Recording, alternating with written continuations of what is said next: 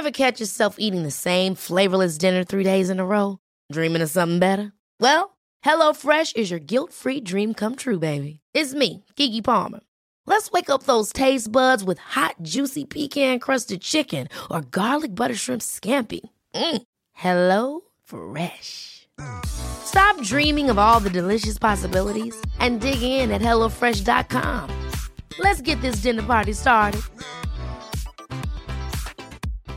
Hi, I'm Daniel, founder of Pretty Litter. Cats and cat owners deserve better than any old fashioned litter. That's why I teamed up with scientists and veterinarians to create Pretty Litter. Its innovative crystal formula has superior odor control and weighs up to 80% less than clay litter. Pretty Litter even monitors health by changing colors to help detect early signs of potential illness. It's the world's smartest kitty litter. Go to prettylitter.com and use code ACAST for 20% off your first order and a free cat toy. Terms and conditions apply. See site for details. Hiring for your small business? If you're not looking for professionals on LinkedIn, you're looking in the wrong place. That's like looking for your car keys in a fish tank. LinkedIn helps you hire professionals you can't find anywhere else, even those who aren't actively searching for a new job but might be open to the perfect role. In a given month, over 70% of LinkedIn users don't even visit other leading job sites. So start looking in the right place. With LinkedIn, you can hire professionals like a professional. Post your free job on linkedin.com slash achieve today.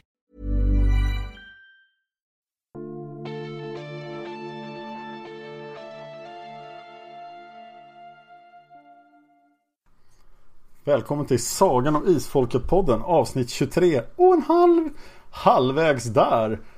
Jag heter Dan och med mig har jag Anna. Hej Anna! Hej Dan! Det finns ingen bok 23 och ett halvt. Vad håller vi på med? Jag vet inte riktigt, vad... det är helt konstigt och allting är upp och ner, men det är så kul! Ja, det här är en bonusavsnitt!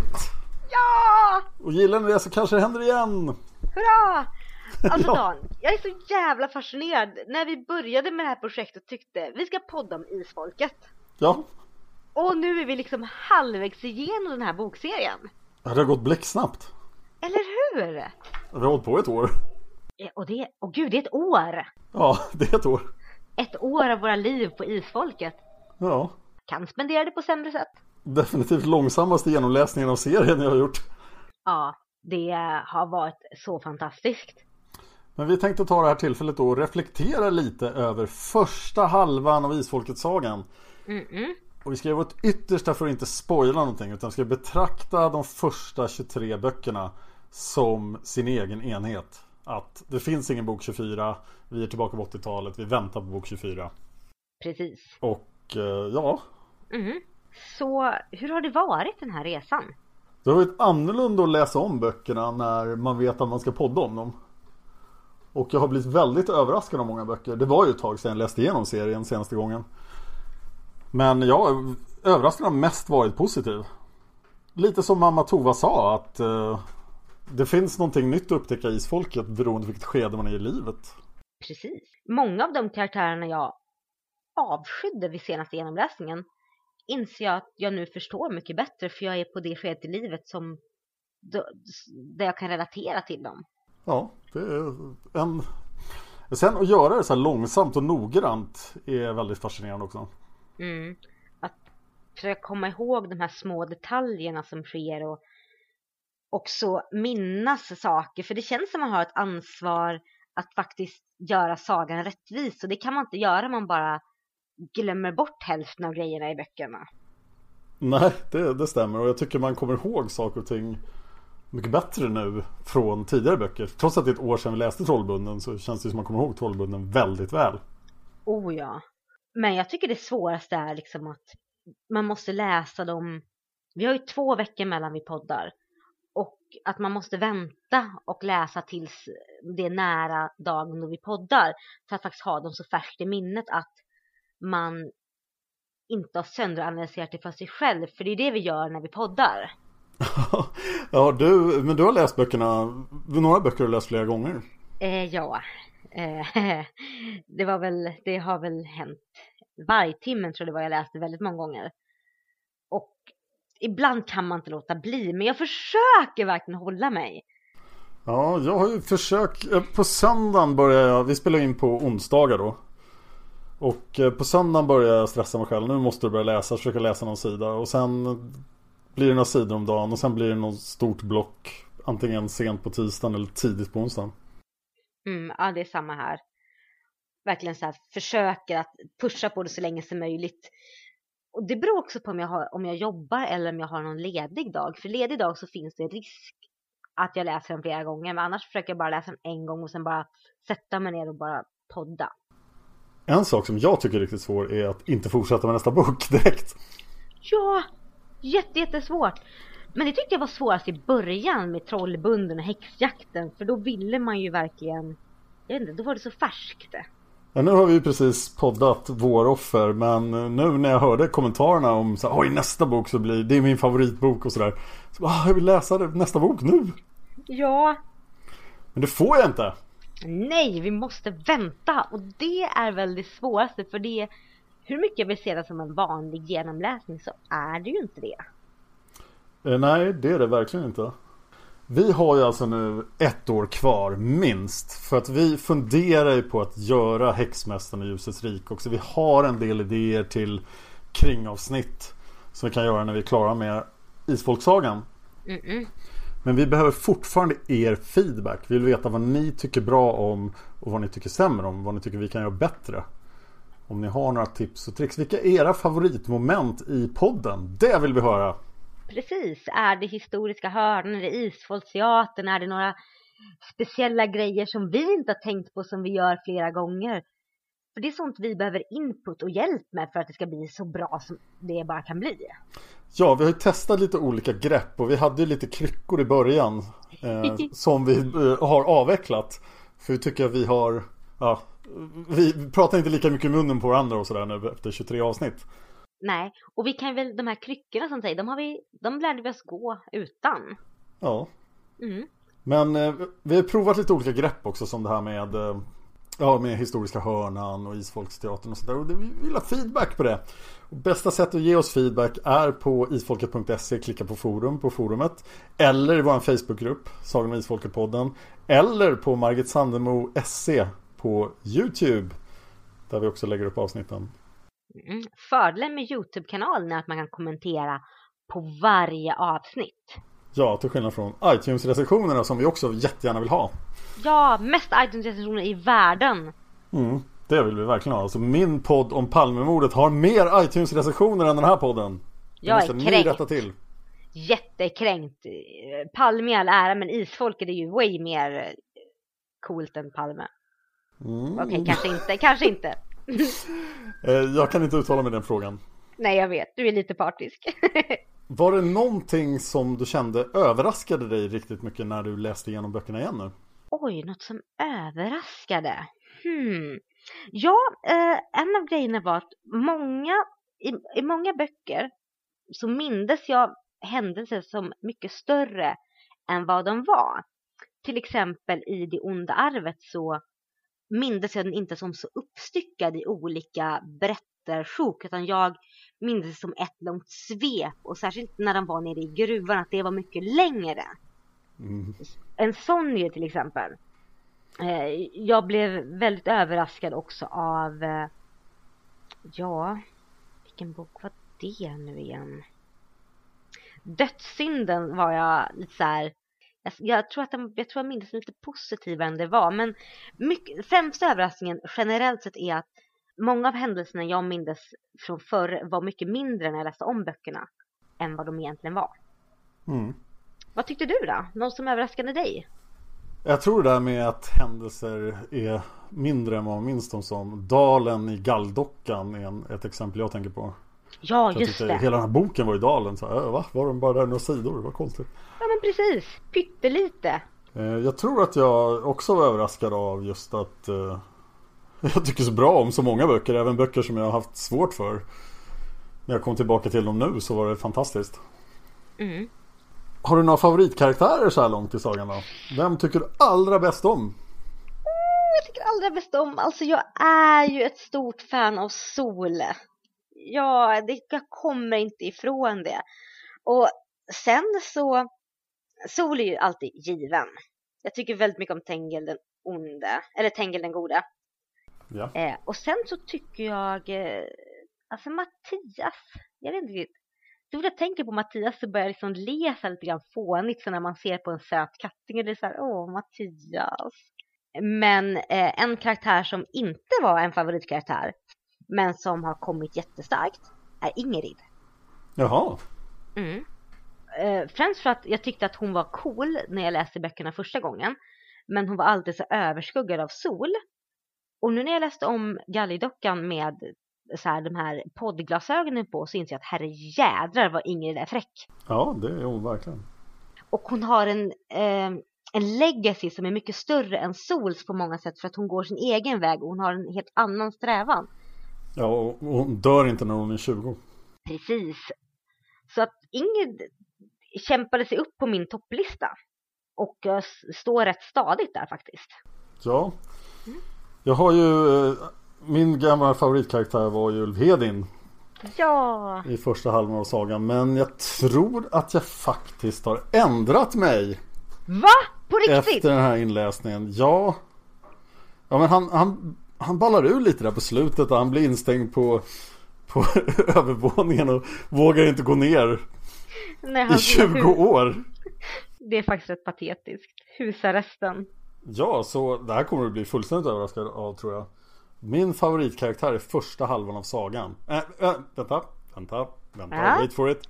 Eh, innan vi kommer dit så vill jag påpeka att i Isfolksföreningen så var ditt alias Sol, eller hur? Precis. Just det.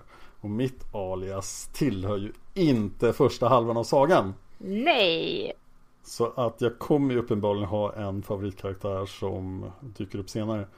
Eh, nu, nej, nu kom jag på en till i första halvan av sagan. Åh men Okej. gud, du kan, du kan inte hålla mig på sån här cliffhanger. Vem är din nya favorit? Nej, eh, honorable mention då till, det här är inte min nya favorit, men Ja, han sjönk faktiskt lite när vi läste den här boken, när vi läste Drakens tänder den här gången, men Sölve har jag varit väldigt svag för. Okej. Men han var ju lite väl dum faktiskt, när vi Ja. granskade honom här. Han gjorde väldigt mycket klantiga grejer. Ja, väck med Sölve. Så min nya favoritkaraktär är född 1607. 1607 och jag slår upp släktträdet och vem är född 1607? Finns det flera? Nej, det finns bara en. 107, 1607, Ja, skrik rakt ut om ni kommer på vem det är. 1607, 1607, vad är det för fel på mitt släktträd? 1607. Sex, jag tittar på fel! 1607, 1607, 1607, 1607. Död 1635 vid 28 års ålder. Ja! Tarjei! Lind av Isfolket. Vad hände här? Jag tycker att han är så fascinerande, den här vetenskapsmannen. Och Dan har ju lite samma, men han är inte... Han är inte lika driven, han är inte lika fantastisk som Tarjei. Och ja, jag, jag är väldigt svag för Tarjei. Men vad fångade den här gången? Eh, ja, eh, han var redan en favorit, eller högt upp på listan då. Men jag tyckte att eh, Ulf Hedin sjönk lite och Tarjei gick upp lite. Och jag önskar så att han hade fått klara sig lite längre. Men det var ju, det känns ju faktiskt så att om Tarjei hade fått hänga med till han var 80, då hade allt det här varit löst för det här laget. Ja, det känns som att han är en sån hyperintelligent karaktär med sån otrolig slutningsförmåga så att det hade ju liksom, ja, allting hade varit bra. Ja, han var en aktiv problemlösare och jag är svag för sådana karaktärer. Så dumt Kolgrim! Mm, jättedumt. Men varför sjönk Ulv in för dig? För jag minns att vi var, du var väldigt lyrisk efter Satans fotspår.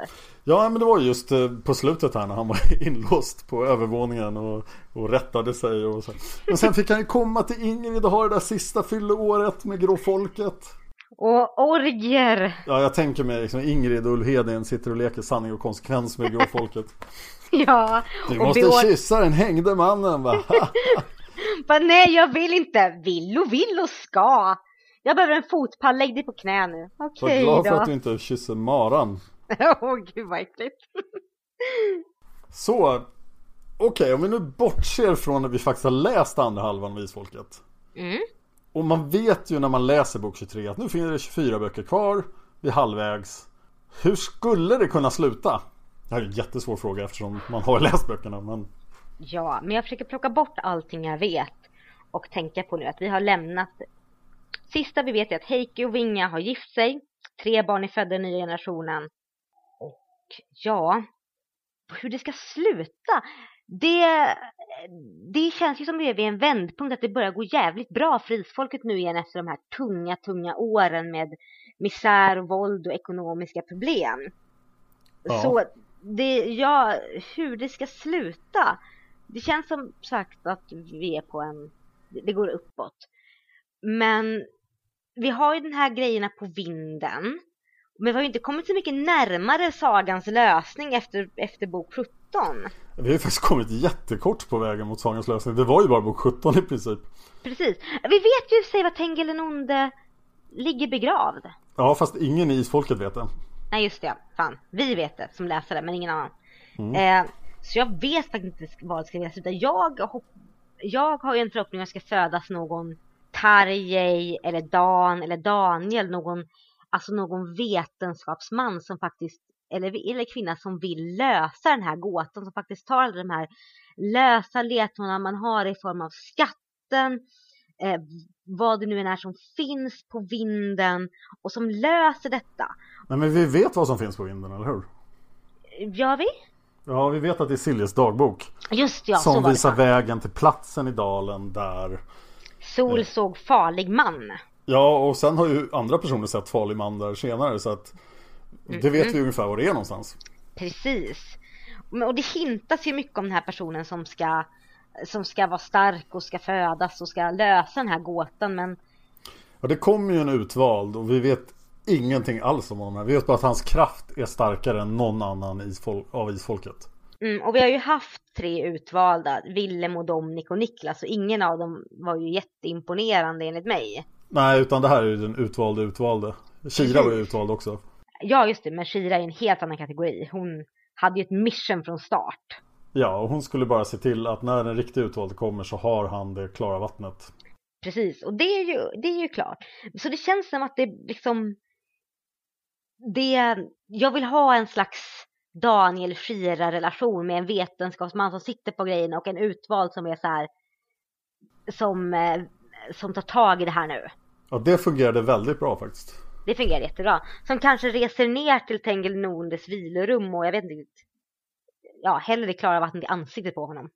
En misstanke jag fick, det här vill jag nog hävda att jag faktiskt hade första gången jag läste sagan. Att det har nu gått någonstans runt 220 år. Mm.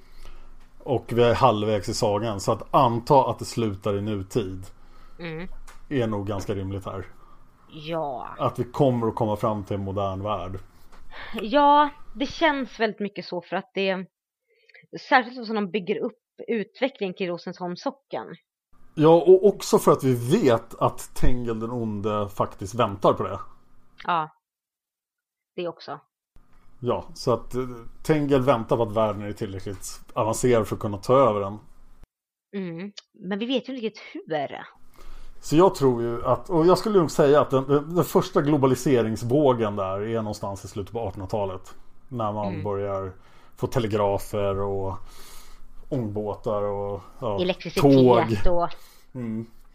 Så att jag, jag skulle kunna tänka mig att Tengel den onde vaknar. Och då är frågan vad mekani- mekanismen är för att han ska vakna. Nej precis, för det vet vi ju inte än.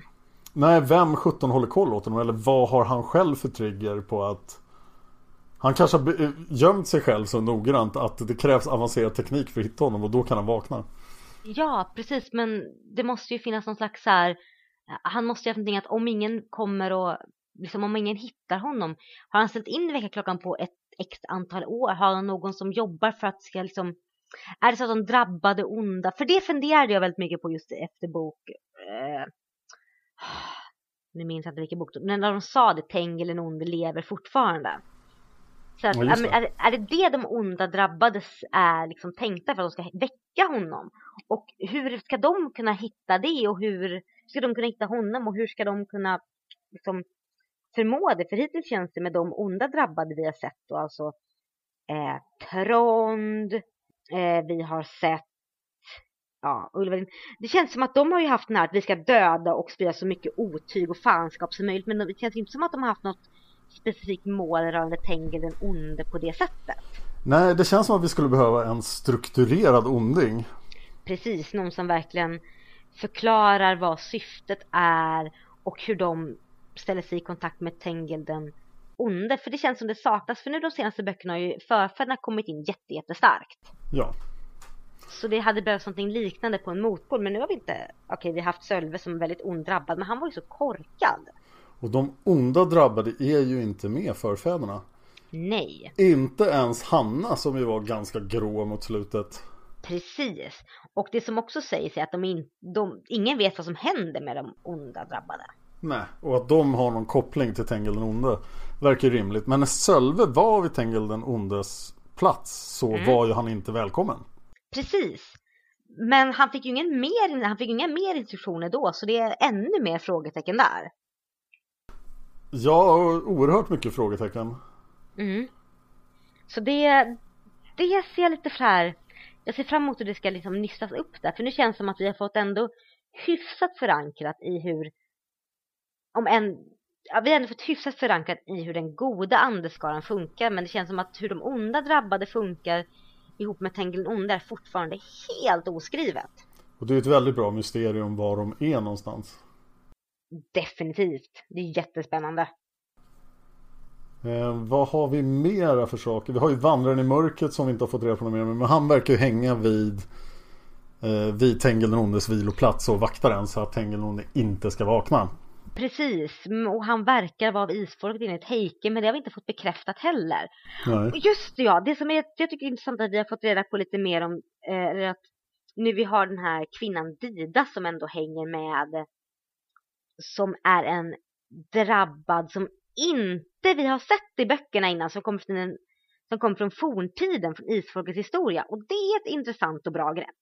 Ja just det, för det måste ju finnas eh, om Tengil den onde höll igång på 1200-talet och vi började 1580-ish. Mm. Så, eller 1500, ja 1580-ish. Så då har vi 300 år av drabbade som... Precis. Ja, då antingen var i Tarangay eller var i Norge och de borde ju kunna komma tillbaka. Då kanske det är så illa att hon är den enda som var god av dem och att resten var onda. Åh gud, det är, det är ju så jävla tragiskt. Och det skulle i så fall bevisa det där om att Tengil den gode faktiskt gjorde skillnad på förbannelsen. Ja. Att det är han som har gjort det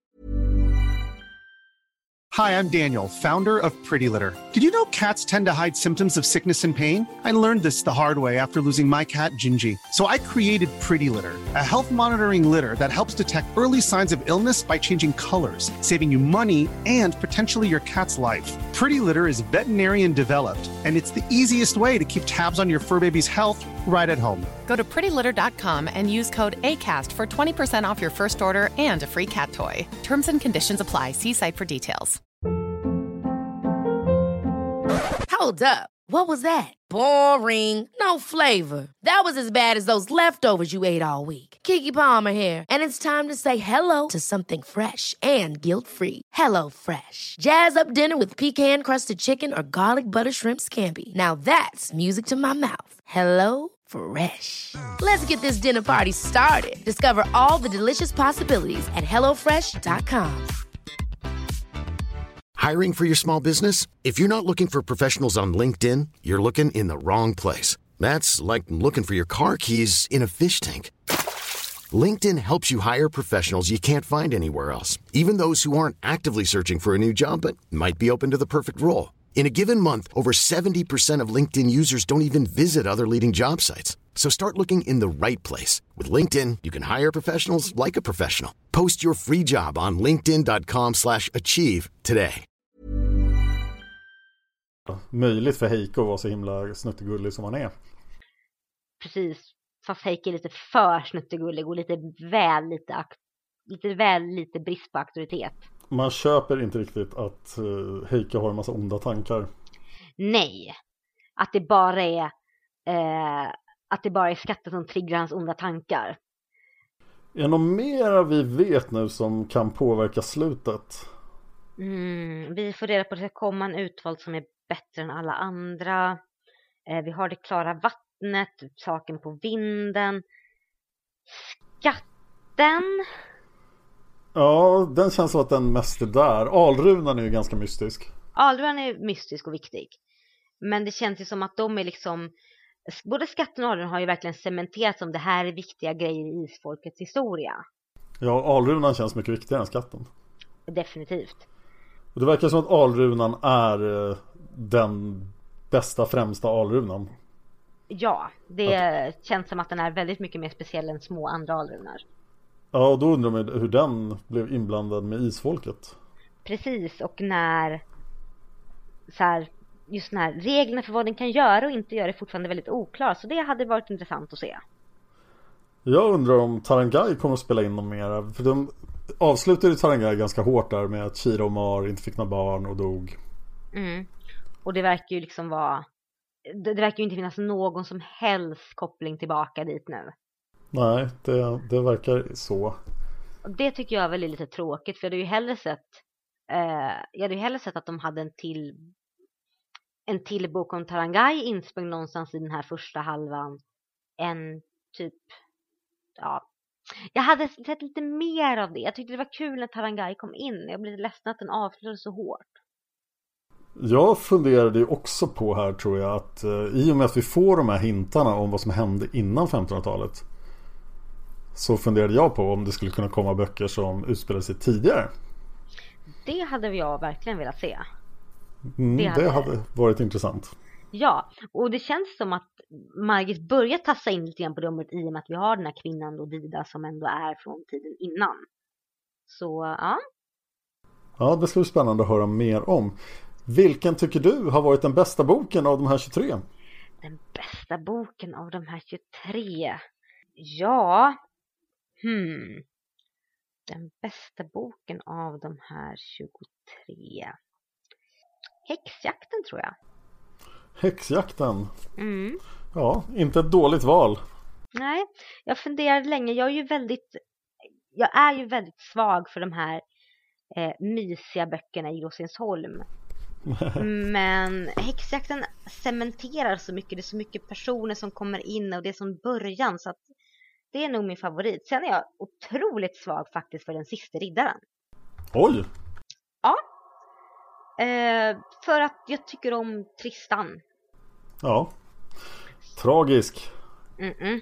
Du då, vilka är dina, vilken är din favoritbok så här långt? Ja, min favoritbok i hela sagan har ju länge varit bok nummer 13, Satans fotspår. Mm. Och även om jag nu faktiskt har gått in, nej jag kan nog inte ändra mina röster, men jag har, skulle sätta betyg 10 på betydligt fler böcker än vad jag gjorde tidigare. Oj, oj. Mm. Så tror jag faktiskt Satans fotspår fortsätter att vara min favoritbok. Oh, wow! Ja. Mm. Jag gillar den här fantastiska uppbyggnaden och spänningen, hur väl den är planterad. Och jag skulle vilja se en ond drabbad som var som Ulvedin men fortsatte på det onda spåret. Och mm. samtidigt kanske inte var så primitiv utan verkligen arbetade för för att göra onda saker och hell, allra helst för att väcka Tengil onde. Precis. Han skulle inte bara lyckas men han skulle jobba för det. Ja, vi behöver en drabbad med agenda. Ja, det skulle vara en fiende att sätta tänderna i.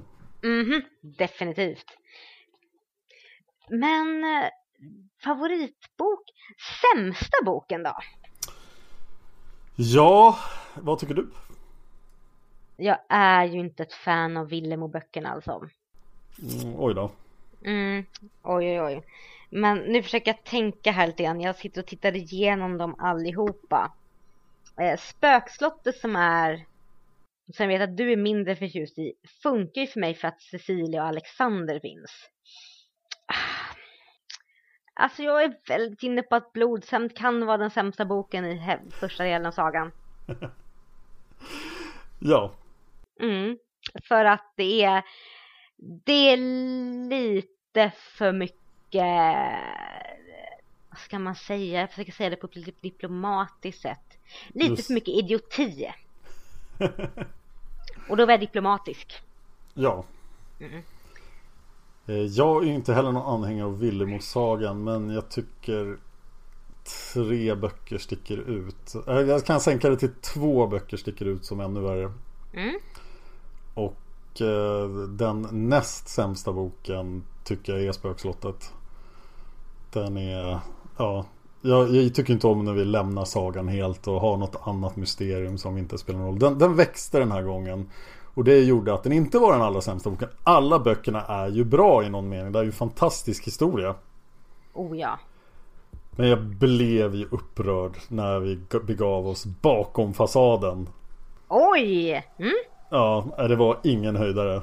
Vad gjorde vi bakom den där fasaden? Kunde inte bara låtit fasaden vara uppe? Och var tog lillebror vägen? Varför hjälpte han inte Vinga? Nej, Nej det får jag faktiskt hålla med om. Men, jag vill bara ja. glömma den. Mm. Ja, det funkar nog för mig för att Elisabeth finns, men ja. Ja. Intressant, men bakom fasaden, det, det var ju verkligen, efter dödens trädgård var det ju magplask. Ja, så, så otroligt mycket magplask. Har Mm. vi några lösa trådar vi behöver nämna? Geten!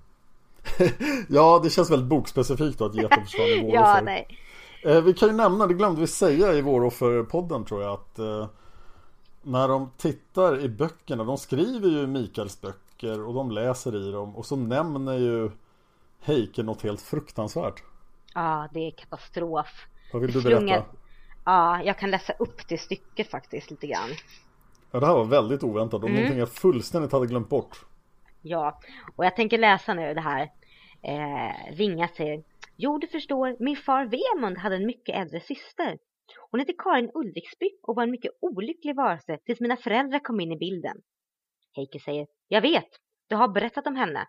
Och det står om henne i Isfolkets böcker. I det kapitel som kallas Bakom fasaden. Är det Heike som säger det? Ja. Men han kan ju inte läsa. Nej, men jag har att Vinga haft högläsning för honom. Åh, Och det här slungar mig ut ur boken, rakt in i nutiden, för det är så skrivet på näsan. Och jag tycker inte om att kapitlet i Isfolkets, bo- Isfolkets krönikor som berättar om det här heter samma sak som boken som jag läste för några veckor sedan. Ja, nej det fungerar inte alls. Jag tycker Mikaels böcker börjar bli konstigare och konstigare. Dels hade de den här mystiska informationen om tiden innan Tengil den onde. Ja, som vi aldrig någonsin fått bekräfta. Åh, gud. Så det står verkligen lite så här vad som helst i de där böckerna. Det, det skulle inte kunna gå att publicera Mikaels böcker som någon slags alternativt verk som man till exempel gjorde med Game of Thrones då och göra extra böcker för att världen var så Nej. genomtänkt. Men det här känns verkligen inte genomtänkt. Vad har Mikael skrivit i sina böcker egentligen? Nej precis, och jag får nog säga till Mikaels försvar så kändes det som att hans böcker var mera som en slags skönlitterär romanberättelser. Medan jag tror att det står nu faktiskt i Våroffer som vi poddade senast att de satte sig och skrev ner om ritualen i släktkrönikorna så det skulle vara klart och tydligt. Och då känns det som att är det här en slags isfolksdagbok där de faktiskt typ skriver idag har vi kallat upp det grå folket. Det var roligt. Det kändes Lol. jättekonstigt för att det var första gången de nämner att någon fyller på de här böckerna. Precis. Och vem skrev ner då bakom fasaden? Var det Elisabeth som skrev ner allting som hände och skrev ner allting som med Vemund och sånt där med hennes med liksom med både med Vemunds välsignelse? Vad hände där? Ja, det här gav mig intrycket att först satt Mikael och skrev och kom på titlarna på de nio första böckerna. Mm. Han var, ja nu ska jag skriva om Silje och Tengel och Silje var ju lite trollbunden så nu kallar jag första kapitlet. Och häxjakten och sen var det avgrunden för sol och dödssynden och Men Ja. vem skrev ner Villemos saga? Vem skrev Mm, ner det, det Tristans håller inte ihop saga? det här riktigt. Nej. Vem skrev ner Tristans saga om mossmännen? Vem skrev ner Vem skrev ner Wendel Grips äventyr i Ryssland? Och Alltså det känns, det, det hänger inte ihop. Har vi några andra lösa trådar som är värda att nämna? Vi tog upp det mesta i Hur ska det sluta-delen men Mm. Andra lösa trådar. Vi har ju Alltså en tråd som hänger lite grann som jag känner kan bli en källa till oro är ju det att vi har ju Christer Grip som är försvunnen för alltid. jag tänkte på honom också. Mm. Ja men han är försvunnen för alltid så han får vi aldrig träffa igen. Nej, men det är så här, det är ändå en lös tråd. I mitt släktträd så är det en lös tråd. Eh, sedan annars eh, lösa trådar. Hmm.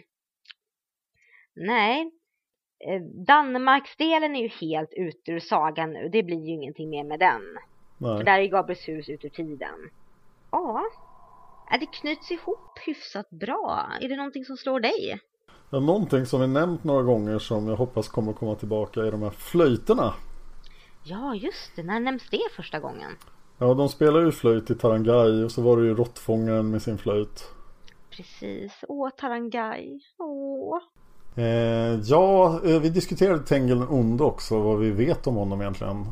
Mm. Vi vet var han vilar någonstans. Ja, och vi vet att det finns någonting som är viktigt för honom i dalen.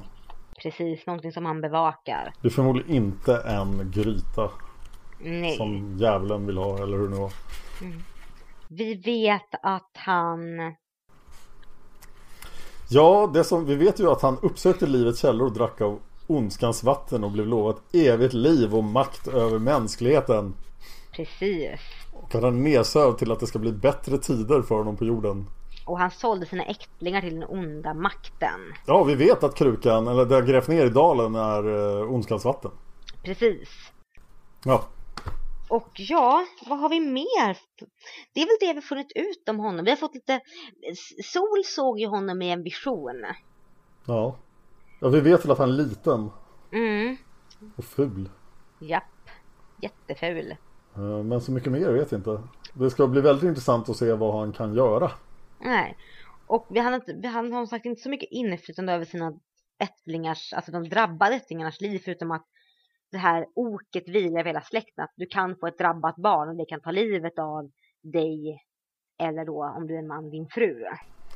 Ja, och nu är förbannelsen ordentligt saboterad för att det är inte många som blir genuint onda. Nej, faktiskt inte. Så att jag tycker att han behöver lite fler duktiga medhjälpare. Ja, och så har vi ju de, alltså det som hänger lite löst är de här de utvalda lite grann som dyker upp ibland och ibland inte. Ja, Willem och Dominik Niklas var ju de senaste. ja inte bara byter de drabbade sida utan eh, utvalda kommer också. Shira var väl den senaste då. Ja, just det, Shira ja. Men det är väl bara de som har varit utvalda Ja, utan att vara drabbade. precis. Så, eh, ja. Ja, det är väl de grejerna jag kommer på nu. Jag, jag vill ändå räkna Tarangai som en liten lös tråd för det kändes som att det hade funnits mer att få ut där. Sen är ju alrunan en väldigt lös tråd. Alltså vad, vad den vill och den verkar ju ha ett... Den verkar kunna tänka. Mm. Den verkar ha ett klart syfte, klar relation till vissa människor, speciellt då Heike. Men vad den vill och vad den kan verkar vara väldigt... Det verkar vara som vi... Det verkar vara väldigt oklart, något som vi precis börjat upptäcka. Ja, så den ser jag fram emot att höra mer om. En annan sak jag tänkte fråga lyssnarna är Vi har ju haft gäster i ett antal avsnitt. Och på grund av våra egna klanterier så har ljudet ofta blivit sämre i de avsnitten. Men vad har ni tyckt om det? Och är det några personer speciellt ni vill ha som gäster? Är det någon som ni vill ska komma tillbaka? Och sådär? Så kommentera om det. Ja, det är en jättebra grej. Och svara gärna på de här frågorna som vi har pratat om här. Hur, hur har det känts för er att läsa om sagan? Vi vet ju att några faktiskt läser sagan i takt med våran podd. De flesta gör nog inte det. Var det något som överraskade er då när ni läste igenom? Vilka är era favoritkaraktärer så här långt? Är Hur... det, några, Ja, fortsätt. ja, är det några lösa trådar vi har missat att ta upp som ni, som ni slogs av när ni läste? Just det, vilka, vilka tycker ni är den bästa boken och den sämsta boken? Ja, är det något mer vi behöver ta upp här? Eh, Jag funderar på det. Men jag tror faktiskt inte det. Jo förresten, vi vill jättegärna att ni ger er till känna om ni faktiskt inte har läst sagan förut. Utan, eller om ni känner någon som är precis där vi är i sagan utan att ha läst det förut. För det vore en intressant gäst att ha i podden. Någon som faktiskt inte vet hur det slutar. Det hade varit jätte, jätteintressant. Så skriv till oss, snälla gör det. Och vi vet ju att Isfolket på grund av ljudböckerna, på grund av den tecknade serien och så vidare har en liten renässans just nu. Så att det måste ju tillkomma nya läsare men det är svårt för oss att hitta dem för våra bekantskapskretsar är fulla av folk som är redan indoktrinerade. Precis. Så vi vet nå ut till dem som precis har börjat läsa och tycker att det här är jätte, jätteintressant. För det är det som gör fler hela livsfolket i förlängningen. Ja, Så eh, skicka dem åt vårt håll, gör det. tack för det och vi är tillbaka igen i djupt i jorden då. Det är vi. Så får ni ha det så bra till dess. Hej då! Hej då!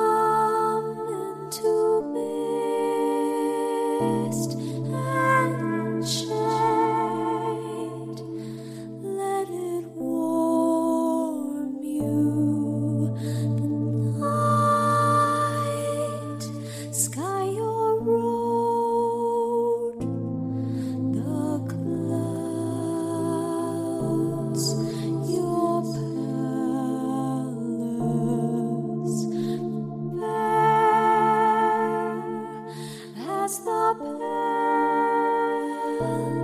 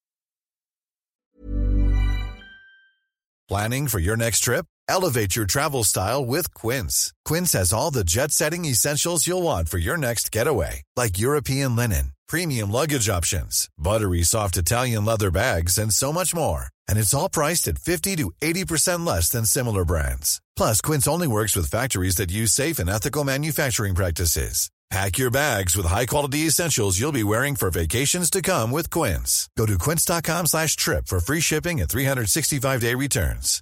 Hi, I'm Daniel, founder of Pretty Litter. Cats and cat owners deserve better than any old-fashioned litter. That's why I teamed up with scientists and veterinarians to create Pretty Litter. Its innovative crystal formula has superior odor control and weighs up to 80% less than clay litter. Pretty Litter even monitors health by changing colors to help detect early signs of potential illness. It's the world's smartest kitty litter. Go to prettylitter.com and use code ACAST for 20% off your first order and a free cat toy. Terms and conditions apply. See site for details. Hold up. What was that? Boring. No flavor. That was as bad as those leftovers you ate all week. Kiki Palmer here, and it's time to say hello to something fresh and guilt-free. Hello Fresh. Jazz up dinner with pecan-crusted chicken or garlic butter shrimp scampi. Now that's music to my mouth. Hello Fresh. Let's get this dinner party started. Discover all the delicious possibilities at hellofresh.com.